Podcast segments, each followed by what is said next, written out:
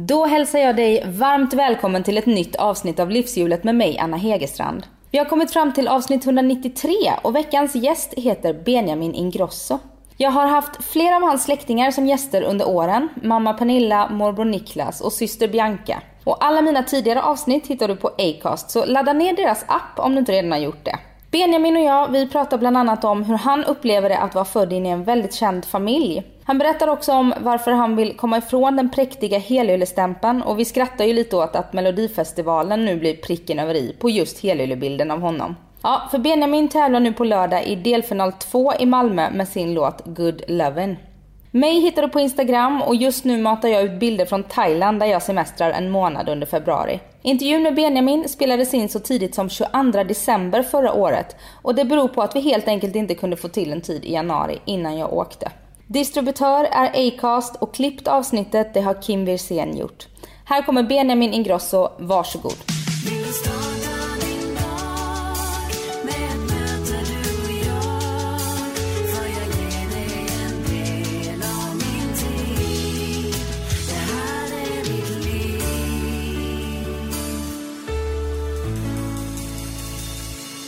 Välkommen då. Tack, tack så mycket. Hur mår du då? Jag mår bra, jag mår bra. Lite vintertrött typ. Mm. Men nu börjar det bli ljusare tider så det är skönt. Det var ju vintersolstånd igår. Just det. Mm. Vi kan ju passa på att avslöja för gästerna för den här, eller för eh, lyssnarna, för den här eh, podden kommer ju sändas lite senare nu än vad vi spelar in. Det Okej. är ju eh, två dagar innan julafton när vi sitter här. Men eh, Ja. jag vill ju sända i samband med att du är med i Mello. Just det. Och eh, det ska du vara med i nu. Det ska jag vara med i. ja Ja. precis. Ja, Vi pratade om det precis innan så här, ja men jag har ju typ gjort allt, det är så jävla käckt. precis. Och så ja. nu gör du Mello. Och så gör man det sista på, Mm. på CVt. Men jag har ju fått uppfattningen om att du vill gå ifrån det. Här ja, musikalglättiga. precis. Det är väl nog därför som jag kommer Det är väl kanske typ därför jag vill just göra Melodifestivalen. För att jag kommer göra något annat. Jag kommer inte göra liksom någon, någon självklar Melodifestival-låt. Nej. Ehm, och så en typisk klassisk refräng. Ehm, utan jag, jag ser det bara som en sjukt positiv grej. Att få tre minuter i en sjukt stor tv-produktion och med stor bred publik och få visa vem jag är som artist. För den breda publiken som jag inte riktigt så här nått ut till än. Nej. Typ. Och just de här självklara mellolåtarna, de åkte ju ut så du bara sjöng om det förra året. Fran, Ja. Frans var ingen självklar mellolåt. Nej precis, nej exakt. Det var ju en, liksom en eh, typ indie-pop-låt. Mm. Och Nästan. Loreen när hon kom, det var inte heller en... Nej exakt, nej men precis. Så, eh, men sen, sen får man ju se hur det går. Men, men jag ska bara fokusera på att få, få visa vem jag är och inte liksom vara, ja, visa vem jag är på scen liksom. Under tre minuter. Vem är du på scen då? Eh, jag är en entertainer skulle jag vilja säga. Eh, jag vill ju att det ska hända mycket på scen. Fast liksom eh, inte för mycket och inte för dans, lite. Eller? Nej men alltså, typ både och. Alltså en, en show. Jag vill göra en, alltså få folk att, att bli glada eller gråta eller få gåshud eller liksom bli berörda på något sätt. Typ. Mm. Jag hade, det är nog ett och ett halvt år sedan, men då var Anton Ewald här. Mm, ja, mm, Han är nog min yngsta gäst som har varit här. ja, Fast nu är fast nog... nu är det jag. Ja, men jag Ja. tror att han var 19 när han var här. Okej. Eh, och han, jag kommer ihåg att vi pratade lite om att det är så lätt att klumpa ihop, att det finns en del artister, Ja, unga liksom, eh, Just det. snygga popkillar. Det är Mm. Erik Saade, det är Anton Ewald och några andra som, som faller dit. Mm. Eh, Är du rädd att hamna i det facket? Ja, man är väl rädd att hamna i vilket fack som helst typ. Man vill ju helst stå på, stå på egna ben och, och vara i något slags eget fack. Hade ju varit skönt. Men jag tror att så här, i, det här land, i det här landet kommer man alltid hamna i, i något slags fack typ. Mm. Ehm, och därför så, så ehm, sen nu året 2017 så kommer jag verkligen börja släppa musik på riktigt. För nu har jag liksom verkligen jobbat på, på mina låtar och, och så under ett långt, under en lång period. Så jag tror att folk kommer ha svårt att sätta mig i ett fack när jag väl börjar släppa min musik för att det, det spretar lite åt alla olika håll. Fast det håller sig till liksom min, min souliga, so, mitt souliga melodispråk ändå liksom. Mm. Men du, du släppte din första singel Fall in Love. För ett år sedan ja. Ja, i oktober för ett år sedan. Just det, Den ja. hörde jag i din mammas podd första gången tror jag. ja, Mm. ja, hon är snäll så. Ja, eh, och sen så släppte du en singel nu i somras. Precis, ja. Mm. Så, så det är ju det, jag har ju liksom inte släppt så mycket. Um, och det är väl just för att jag, jag har velat ta det lite lugnt och bara så här, släppa lite, se vad, vad man får för reaktioner. Um, och sen mest fokuserat på att så här, skriva, bara skriva till andra och till mig själv så att jag har, jag har material. Så att när jag väl släpper nästa låt så vet jag de tre kommande singlarna så man inte behöver sitta och vara orolig över, okej nu vad, vad blir nästa singel utan att då är man liksom redo att släppa nästa grej. Liksom. Ja, man har en buffert.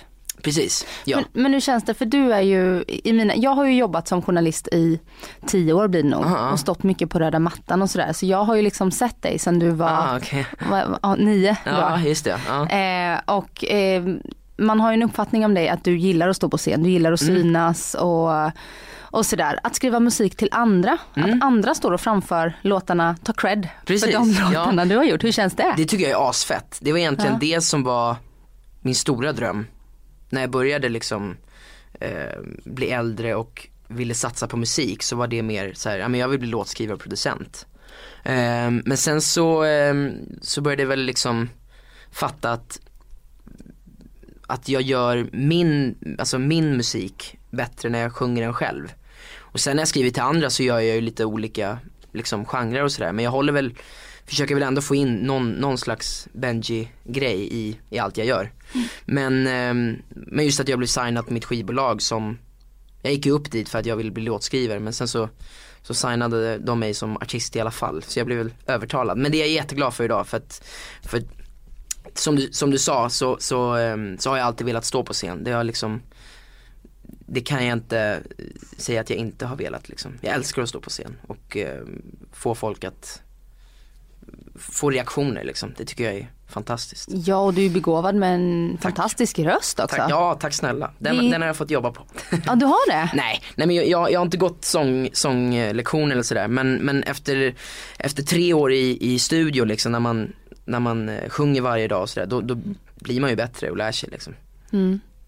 Hur, hur mycket har du inspirerats av din storebror Oliver och eh, kusin Sebastian Ingrosso som är Oj. DJs? Jag tänker med låtskrivandet och producent, producerandet av musik och sådär. Eh, alltså jag kommer ju från en annan bakgrund än dem. De är uppvuxna med, eller jag är ju absolut också uppvuxen med deep house och liksom den grejen. Men jag, jag kommer mer från en mycket souligare bakgrund. Eh, för att min farsa liksom och visade mig musik som jag gick igång på. Det var liksom Bee Gees och Michael Jackson och Stevie Wonder och Hall Oates. Det var mer liksom soul, R&B pop typ på 70-80-talet. Det hör man ju i din musik också. Ja vad kul, vad roligt. Nej men så, så, ehm, så, så jag har liksom aldrig riktigt gått igång så mycket på house-grejen. Sen älskar jag ju house och så, men, men just när jag gör musik så, eh, då har jag, jag börjar alltid vid pianot typ och gitarr liksom.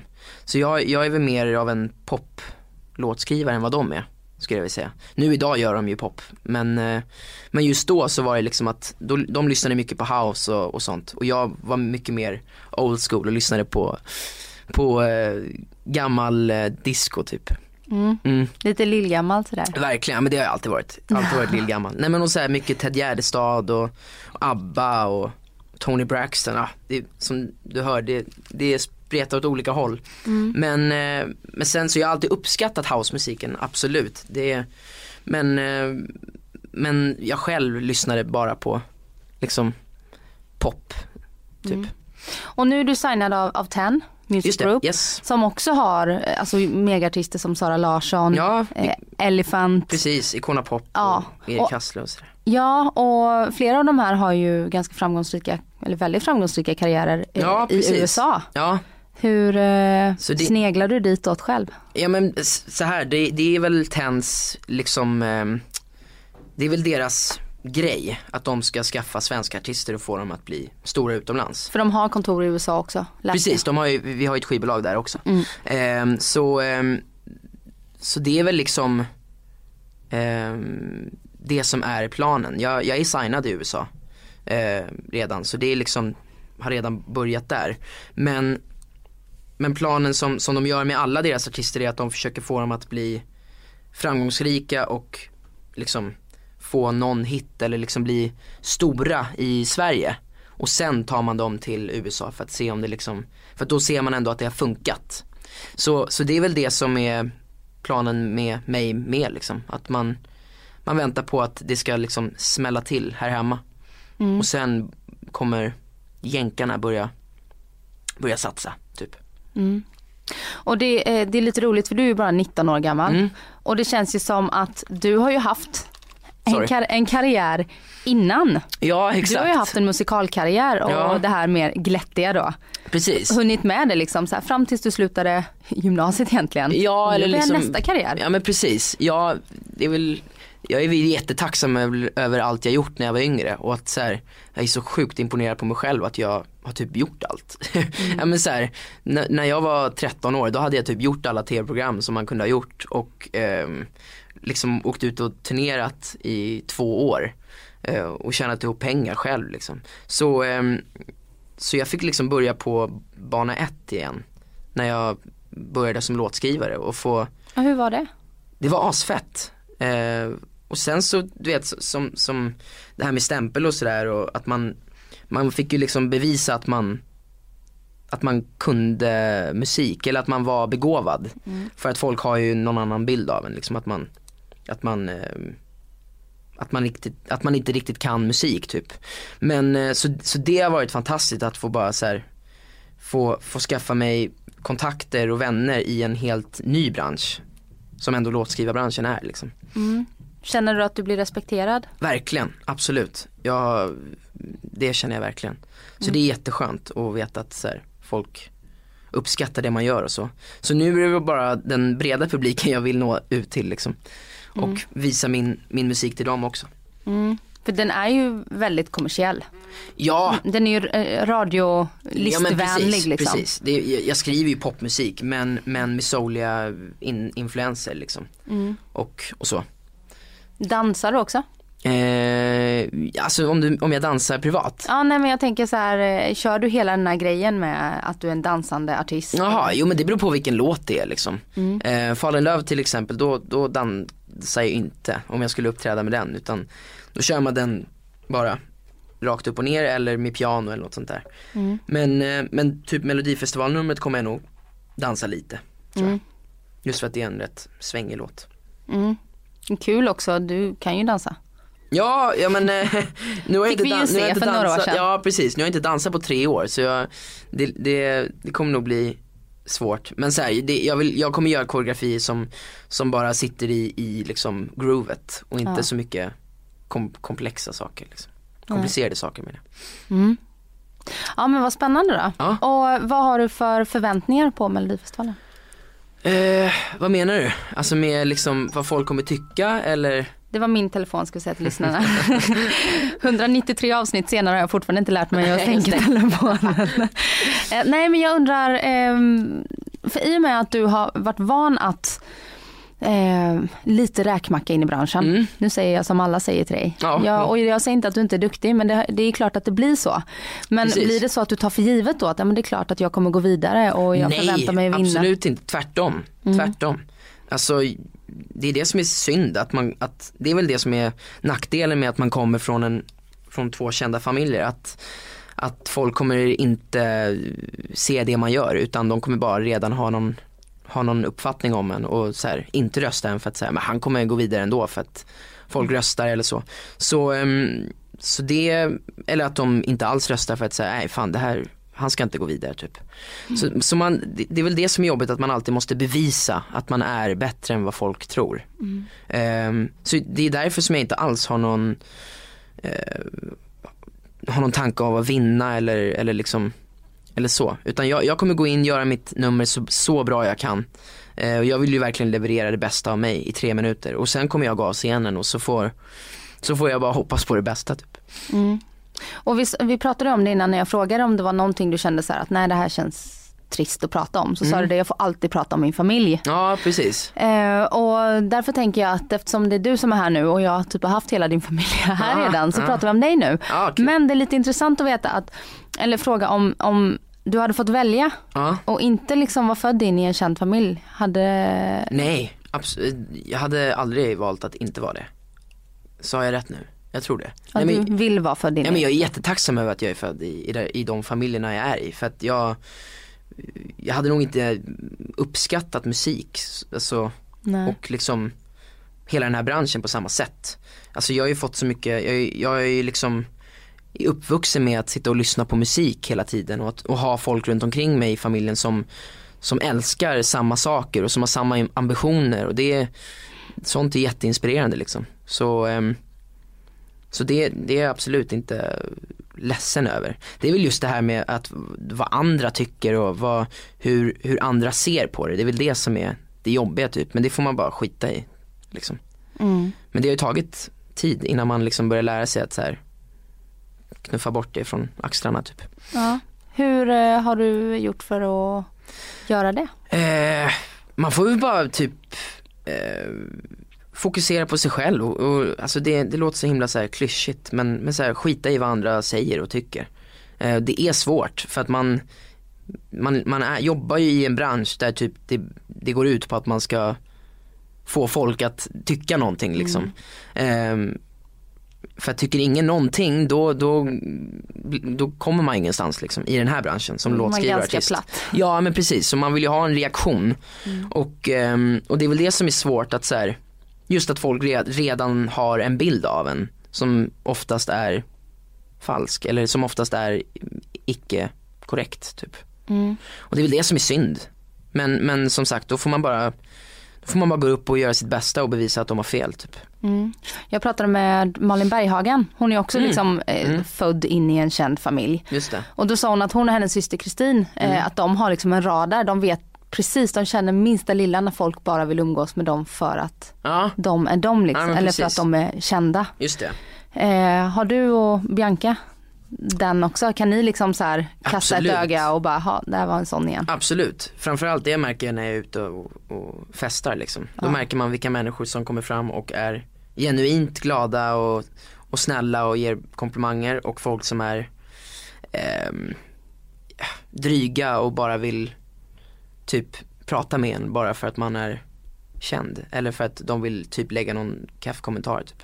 Mm. Det är skitsynd men, eh, men det är väl det är sånt man får leva med. Mm. Tror du att det har påverkat dig och tilliten till vänner och din flickvän och sådär? Eh, ja, absolut lite så. Men, uh, men sen mina polare de är alltid, de är alltid så himla, vad heter det? Ja men, de har ju nästan känt mig sen jag var liksom, typ alla har känt mig sen jag var 9-10 bast. Mm. Och de vet ju att 90% av hela mig är dans och sång och musik. Så att, ehm, så att det är en del av mig, så de, de ser inte det som något så här, nu är Benjamin låtskrivarartist och nu är han våran kompis utan jag är ju samma kille hela tiden. Och de älskar ju att lyssna på min musik och de är de bästa, liksom, vad heter det?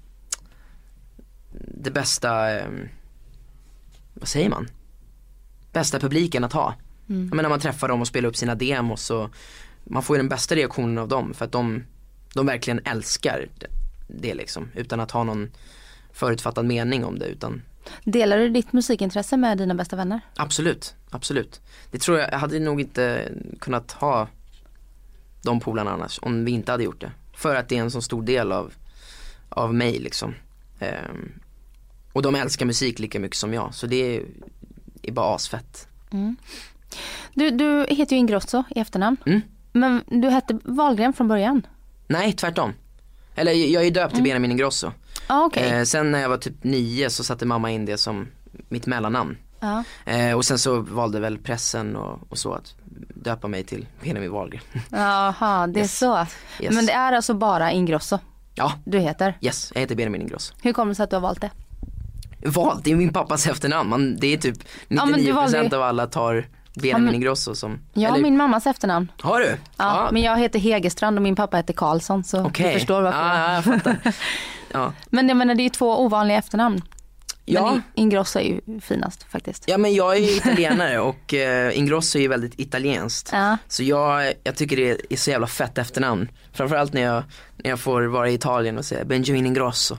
Då låter det coolt. Nej men och sen, ehm, sen så var det ju, ja men så här. Som jag sa, pressen valde att döpa mig till Wahlgren. Och Mm. det har jag inga problem med. För att det är ju också mitt efternamn på ett sätt. Mm. Men, men sen när jag bara skulle liksom börja från start, från ruta ett igen och släppa släppa som artist och så, då, då var det inte så mycket att tänka på än att det är såklart det ska vara Benjamin Ingrosso liksom. För Mm. att det är mitt efternamn. Ja. Men det där är ju också det folk som tycker det är Oj nu ska han rida på någon annan våg och man bara men alltså kom igen. Det Det spelar ingen roll hur du gör, Nej, du, du förlorar ändå. jag förlorar liksom. ändå så jag, det, det är det, man får bara skita i allt liksom. Vad Ja. folk säger. Och så, ja. Och eh, efter din, eller jag, jag antar att det är efter din pappa men Mm. att du är ju väldigt matintresserad. Ja, absolut. Du, Jätte. direkt när du kom in här på Expressen, de står ju och säljer ostar Ja precis. nu eh, till jul. Ja. Så bara, "Ah, får jag provsmaka? Ja precis, ja, men jag älskar mat. Eh, typ, det, det är musik, sen kommer mat. Och sen kommer film typ. Men, men mat är jättestort intresse jag har. Just för att farsan har haft typ 12-13 restauranger och eh, alla, min farmor lagar ju mat och, och liksom hela min, min släkt älskar matlagning. Så, ehm, och jag, jag lagar mat själv och så. Så det, jag vet inte, det, det är väl då som typ så här man man får samlas typ när man sitter runt middagsbordet. Mm. Eh, sen älskar jag att gå på restauranger och testa olika olika typer av restauranger. Alltså när jag, när jag är i New York som jag har varit nu fyra gånger de senaste två åren så äter jag som en jävla galning. Mm, där kan man ju äta också. Ja men det är sinnessjukt. Alltså när jag och min brorsa när vi är där då åt vi under en dag så att jag till frukost åt jag mac and cheese. Sen tog jag en donut, sen tog jag en så stor chocolate chip cookie, sen tog jag en pizza slice, sen tog jag en hamburgare med pommes frites på Five Guys, sen kom lunchen. Och då åt jag en focaccia och en pasta och sen tog jag mellanmål, någon sån här eh, yoghurtgrej. Sen gick jag hem, tog, bara låg i sängen och bara hade skitont i magen. Sen gick jag ner, tog en shake shack burgare, pommes frites, en glass, sen åkte jag hem.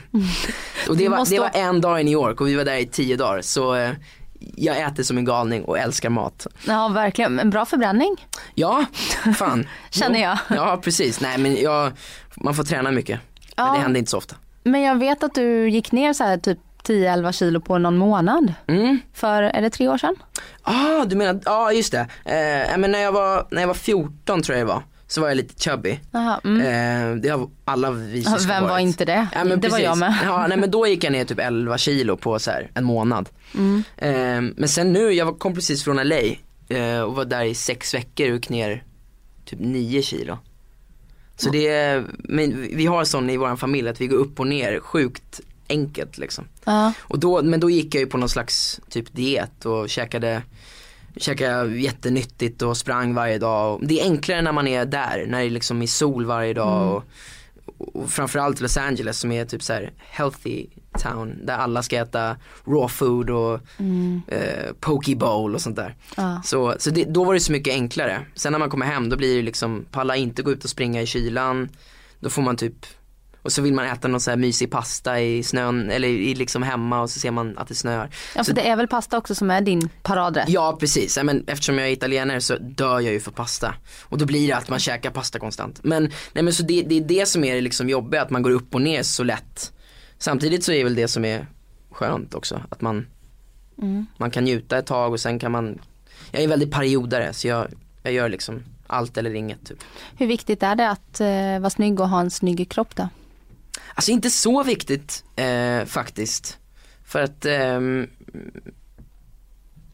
för att det gäller ju bara att så här, att man ska se fräsch ut. Alltså hoppar du in i en dusch och typ så här fixa håret och sen se lite pigg ut, då, då, då kan du väga 110 kilo. Det, bara man ser liksom fräsch och pigg ut så, så spelar det fan ingen roll hur man, hur många kilo man har. Sen så beror det på från person till person, om man mår bättre som, om man är i form eller om man inte gör det, det, det är en annan sak. Men, eh, men jag märker väl att jag mår bättre när jag är i form. Och man blir ju segare och sådär när man sitter och äter pasta hela tiden och, och, och känner sig lite liksom typ rundare liksom. Mm. Men eh, ja. Hur eh, kommer du ladda upp inför mello då? Då kommer jag nog faktiskt käka mycket nyttigt och, och sånt där. Men det är just för min röst och så att man ska palla palla sjunga och dansa samtidigt och, och, ehm, och känna sig pigg. Mm. Så det kommer väl bli mycket, det kommer väl bli någon slags dietmode typ. Men inte så grovt. Jag hade David Lindgren här inför hans medverkan förra året. Han ska väl vara programledare i år va? Ja jag tror det. Ja, och han hade sån ångest för han var ju så här tvåbarnspappa, fick Mm. knappt sova, hade Ja. liksom inte orkat ta Nej, tag i precis. det. Och så hade han träffat Samir och Viktor som hade gått, de körde ju bara överkropp, det. bada nakna. Det. som hade så här tokdeffat och han var så här, ja nej det Det är kört. Ja, det hin- där Nej, hinner det- man inte själv. så- Sånt där kommer jag nog inte göra. Mm. Alltså sixpack och sånt, det, det har aldrig varit min, min ambition. Men bara att liksom vara i, i bra form för sin egen kropp liksom. Mm. Att känna att man pallar dansa och sjunga utan att bli helt slut. Typ. Mm. Och just det här matintresset, du och Bianca har väl ett Instagramkonto? Mm, som precis. heter... vi, vi startade det för typ två år sedan, eller Bianca startade och så tog hon mina bilder, eller bilder på, på min, mina pastarätter typ. Så det är hennes förtjänst att den, den sidan är uppe. Food den heter by- Mm. Food by Familia. Ja. Men sen så, du vet, man har andra saker att göra så vi, vi uppdaterar inte så ofta. Eller Men ni är ändå 30, över 35 000 följare. Ja men, men grejen är att de kom efter typ två, tre veckor. Ja och nu är de kvar. Och nu är de kvar för att vi inte uppdaterar någonting. Mm. Så jag tror att så här, skulle man börja köra igång den så, så kan det nog bli en jätte, jättestor Instagram-grej tror jag. Mm. Men det, är- det, det Bianca har ju sin Instagram och, och Gud det låter som att det så här, Bianca har sin, sitt, sin affär men Mm. Instagram, men, men så här, hon har ju nästan 300 000 följare. ja men Bianca, Bianca är ju liksom Hennes Instagram är ju hennes jobb. Hon har ju, det är ju henne, hon är ju en sån här Influencer. Ja men precis. Man, man, hon har ju en inspirations-instagram liksom. Man ska bli inspirerad när man ser hennes. Men du har ju ganska många följare också. Eller väldigt många. ja, eller, Över 100 000 ja, men får man väl ändå säga rätt Ja, många. Mm. det är väl rätt många, alltså, absolut. Ehm, det är jag skitglad över att ha. För att Mm. det, det är faktiskt folk som väljer att klicka på den där följa-knappen. Ja. Ehm, Och en bra kanal för dig också. Ja men precis, ja men Instagram är ju idag ens eh, Framförallt jag som artist, det är där jag får visa vem jag är. Mm. För att, för att idag så, så som artist så kan man inte, man kan typ inte idag bara vara sångare och, och släppa låtar utan folk vill lära känna en idag. Ehm, det är inte som sen Michael Jackson och Freddie Mercury, alltså på 80-talet när man bara så här, de var bara kända för sin musik typ. Man visste inte dem, vilka de var eller sådär. Det var lite mer spännande Ja nästan. precis, men idag så vill folk verkligen lära känna artisten. Och då, då är Instagram perfekt. Liksom. Mm. Och Snapchat och sånt där. Vad drar du gränsen då för hur långt in på dig man får gå? Uh, gud jag vet inte. Men jag, jag, jag är rätt dålig på att så lägga ut mina åsikter. Ehm, för det, det brukar jag inte vara så himla så här. brukar jag inte lägga upp så mycket och skriva om. Ehm, utan jag, jag brukar mest bara lägga upp roliga videos och bilder där, alltså jag vill att min Instagram ska vara rätt så här skön att kolla på. Inte så himla ehm, diskuterande typ. Nej. Senaste det- bilden jag såg det är någon tandborstbild. Ja, ja. Med bra hår. Med bra hår ja, ja precis. Nej men det, jag, jag, jag bryr mig inte så jättemycket om vad jag lägger upp. Ehm, nu kommer min syra garva för att hon kommer tycka att jag tokljuger. Men, eh, nej men alltså så här, jag, jag vill lägga upp bilder som ser skitsnygga ut och som ser härliga ut. Och där man kan skratta lite eller liksom eller så lägger man upp någon, någon fin bild på um, om musik eller något sånt där. Eller mat. Folk älskar när jag lägger upp på mat. Så Ja. det, det blir mycket sånt. Ja det blir det. ja. Och, eh, men dina pengar det tjänar du uteslutande på musiken. Ja, Mm. precis. Tjänar man några pengar som eh, låtskrivare? Det är kämpigt. Det är skit eh, faktiskt. Om du inte Så heter Max Martin. Ja men precis, man får jobba sig upp. Men, men samtidigt är det väl det som gör att man fort, fortsätter. För att man vill, man vill ju liksom, man vill ju bli bättre och Mm. man vill utvecklas hela tiden typ. Har du en hög burn rate då? Vad sa du? Bränner du mycket pengar? Behöver du mycket pengar? Ja, jag bränner rätt mycket pengar. På vad då? På mat. Ja det är så? Ja, men jag, jag älskar att gå ut och käka och, och liksom, eh, ja, men gå ut med vänner och ta ett glas vin någonstans och sådär. Ehm, och det är väl där som pengarna bränns mest typ. Mm. Ehm, men jag, jag, jag, jag bränner inte så mycket pengar på shopping. Men, eh, för jag handlar inte så himla så här. jag handlar typ bara på H&M. Så H&M's man på Norrmalmstorg är så jävla bra. De har tokbra kläder. Ja och då kan man ju eh, då kan man ju byta lite oftare utan att det kostar så mycket. Ja men precis, men så här, då, då, då är det typ värt att köpa 15 plagg för 3 lax. Istället för att köpa en, eller en tröja och en skjorta på typ Acne för 3 lax. Liksom. Så då, man får ju liksom jämna upp det. Typ. Ehm, men, Nu säger inte jag att jag handlar kläder för 3000 varje dag. jo det var precis det. Nej, jag Det kommer låta så drygt. Nej men att typ man får välja vad man ska. Ja. Och du, eh, har det blivit mycket fest nu sedan du fyllde 18? Så här, Eh, ute på krogen? ja, det har det väl blivit. Eh, jag brukar mest gå ut på onsdagar faktiskt. Sån här lill-lördag som det kallas. Nej men så, eh, så jag, men jag gillar mest att vara så här på, på barerna eller på de här innan man, man går ut. De är typ skönast. För det är då man kan snacka liksom. Annars när man står ute då står man bara och skriker och bara Vad sa du? Typ. Du är inte den som dansar när du går ut? Det beror på hur mycket Du har druckit? hur mycket jag har druckit ja. Och det beror på vad som spelas. Om, jag, om det bara spelas liksom eh, eh, Om det spelas hiphop då kan jag inte dansa alls. Och det gör det ju på typ alla klubbar nu för tiden. Det är ju mycket Drake och sånt där. Älskar. Ja men, men, men jag, jag kan inte alls röra mig till det. Jag försöker men, men det ligger inte i min natur. Min kroppsnatur. Men annars så fort det börjar spelas liksom funk och Bruno Mars och, och sånt. Då, då går jag igång. Mm. På dansgolvet. Ja. Eh, bor du hemma fortfarande? Jag bor hemma fortfarande. Ja, jag kommer nog bo hemma ett tag till, tror jag. Jag har fattat att ni barn gillar att bo Ja, men fan jag, det är så skönt att bo hemma och, och liksom vara med sin familj och liksom att man, eh, sen älskar jag att vara själv men, men det kan man ju vara på dagarna typ. Men sen, sen så, ehm, det finns ju vissa stunder då jag bara vill bo i en egen lägenhet och, och sköta mina saker. Men, ehm, men samtidigt så, ehm, så här, nej men det är skönt att bo hemma. Jag, jag är också, jag är sam, samtidigt som jag älskar att vara själv så är jag sällskapssjuk som fan. Så jag säger det, jag är så här periodare. Så det beror på. Men, eh, nej men just nu vill jag bara bo hemma. Är jätteskönt. Och jag har ju följt Wahlgrens värld. Mm. Och där framkommer du ju som lite bortskämd. Verkligen. Bianca ja. är ju väldigt frustrerad. Bianca är PMSig som fan och jag är bara en odräglig tonåring som går runt i kallingar hemma och inte gör ett skit. Ja men det är lite så du framställs. Och Ja. det är lite kul för att man har ju bilden av dig som så här lillgammal. Man tänker att du står hemma i förkläde och så här dammsuger. och sen så Nej, bara, nej här, inte. här Nej. visar vi sanningen. Nej men inte sanningen heller, det, det är ju ett, det är ett tv-program så de, de, eh, de gör ju liksom lite värre än vad det är. Men jag, jag, jag har inte riktigt fått, eh, jag, är inte, jag är inte med i programmet liksom så mycket utan det är, ju- det är mamma och Biancas program.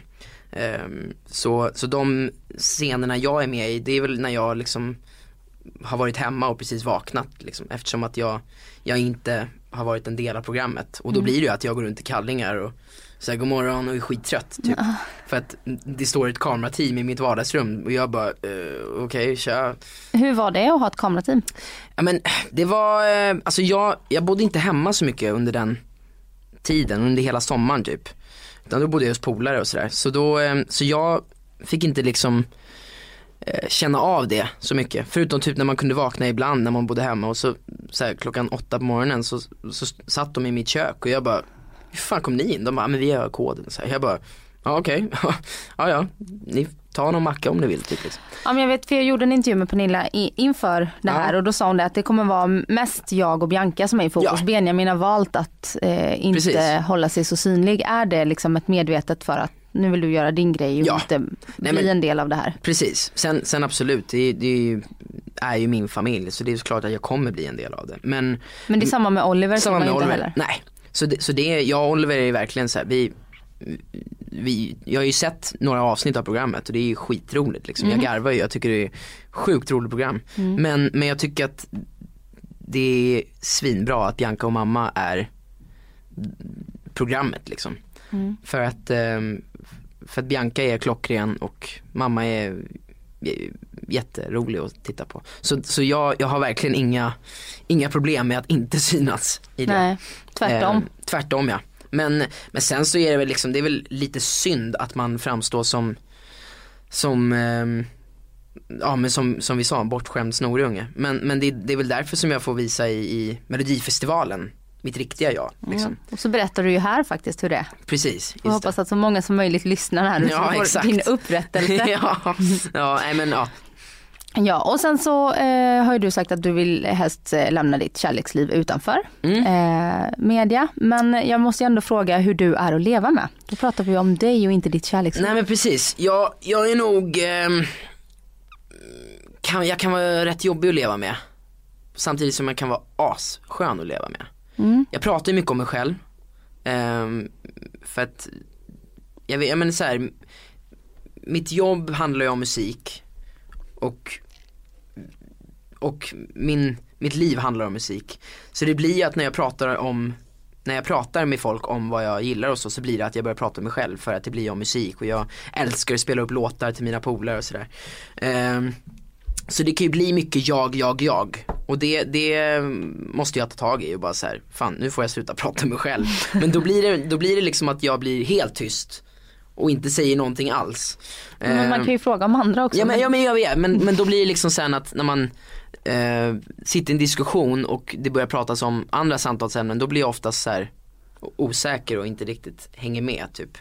För att jag är så himla så här musik, musik, musik och mat, mat, mat. Ja. Men, men eh, mina, mina vänner är så jävla bra på att säga, säga till mig när, när det blir för mycket och, och jag blir bättre och bättre på att så här, lyssna på dem och så.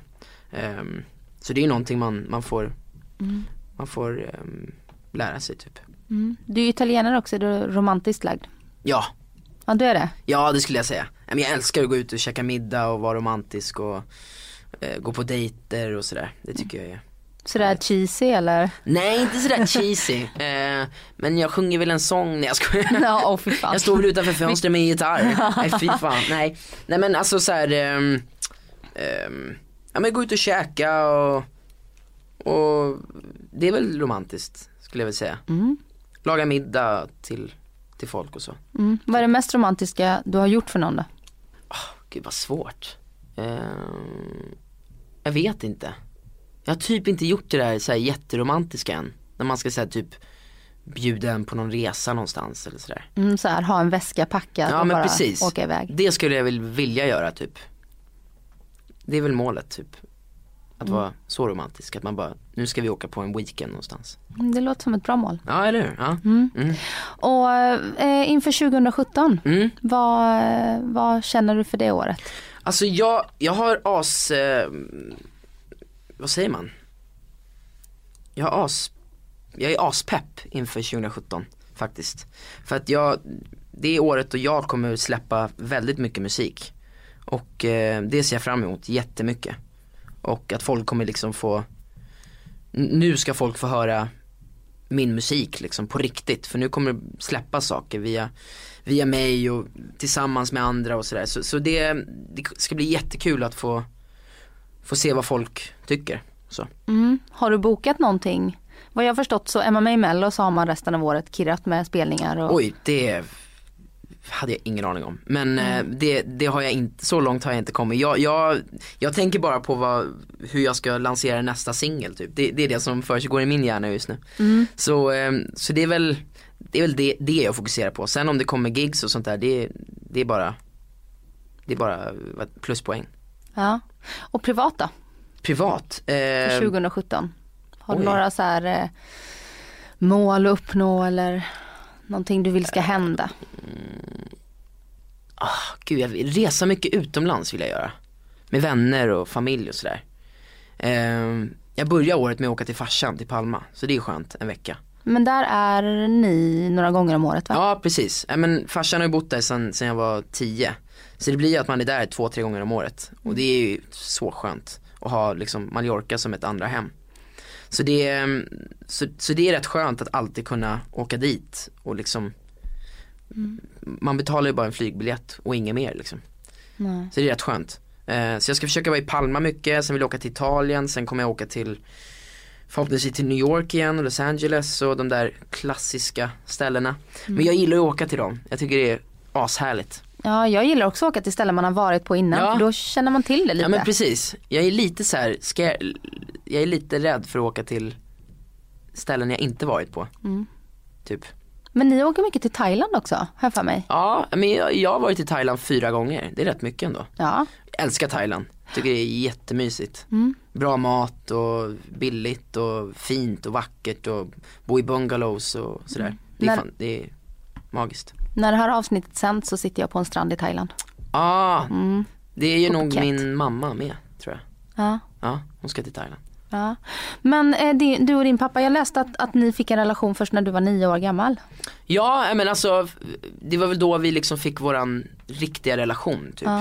Eh, för jag bodde ju bara hos mamma när jag var liten. Och så var det väl att man träffade pappa så här några gånger i månaden.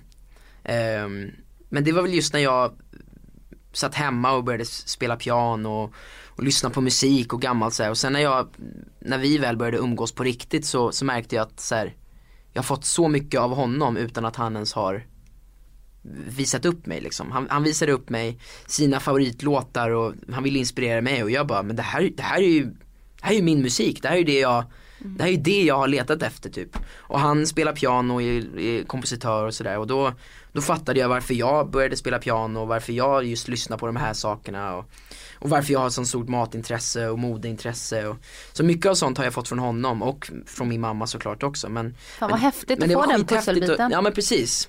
Just att man så här, man fattar att det är från honom utan att han har behövt visa det liksom. Så det, det var, det var sjukt fett och idag har ju han och jag världens bästa relation liksom. Så det är amazeballs. Ja, vad härligt. Mm. Du Benjamin, tack snälla för att du kom hit och gästade. Tack för att jag fick komma. Och stort lycka till på lördag blir det när Just det här det. sänds. Ja. Ja. Och ehm, eh, så får man ringa och rösta på dig. Och om man vill följa, följa dig på sociala medier och sånt där. Då går ni in på Benjamin Ingrosso på Instagram och på Snapchat heter jag Ingrossob med B i slutet. Min gråsob. Ja. Ha det så bra nu. Detsamma. Hej då. Ciao ciao. I'll be gone, gone for weeks at a time. On the phone, didn't pay you no mind. Like a fool thinking you would stay until you walked away. So, baby, won't you please come back? I swear this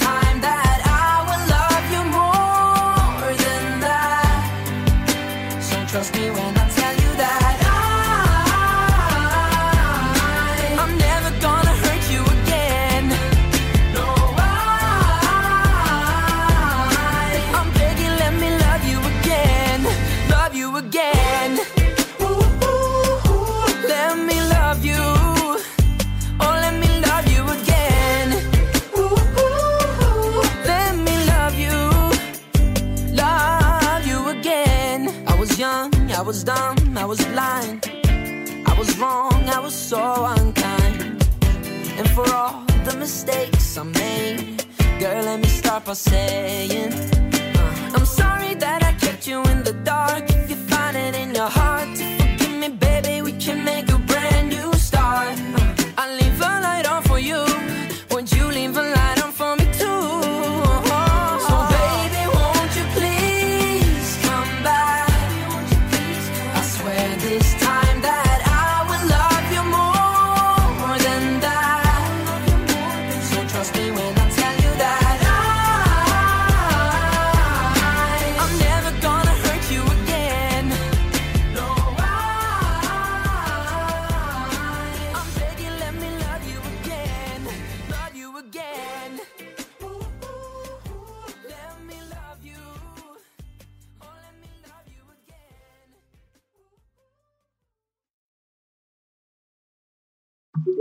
Med Hedvigs hemförsäkring är du skyddad från golv till tak oavsett om det gäller större skador eller mindre olyckor. Digital försäkring med personlig service, smidig hjälp och alltid utan bindningstid. Skaffa Hedvig så hjälper vi dig att säga upp din gamla försäkring. Hedvig hemförsäkring, ett klick bort.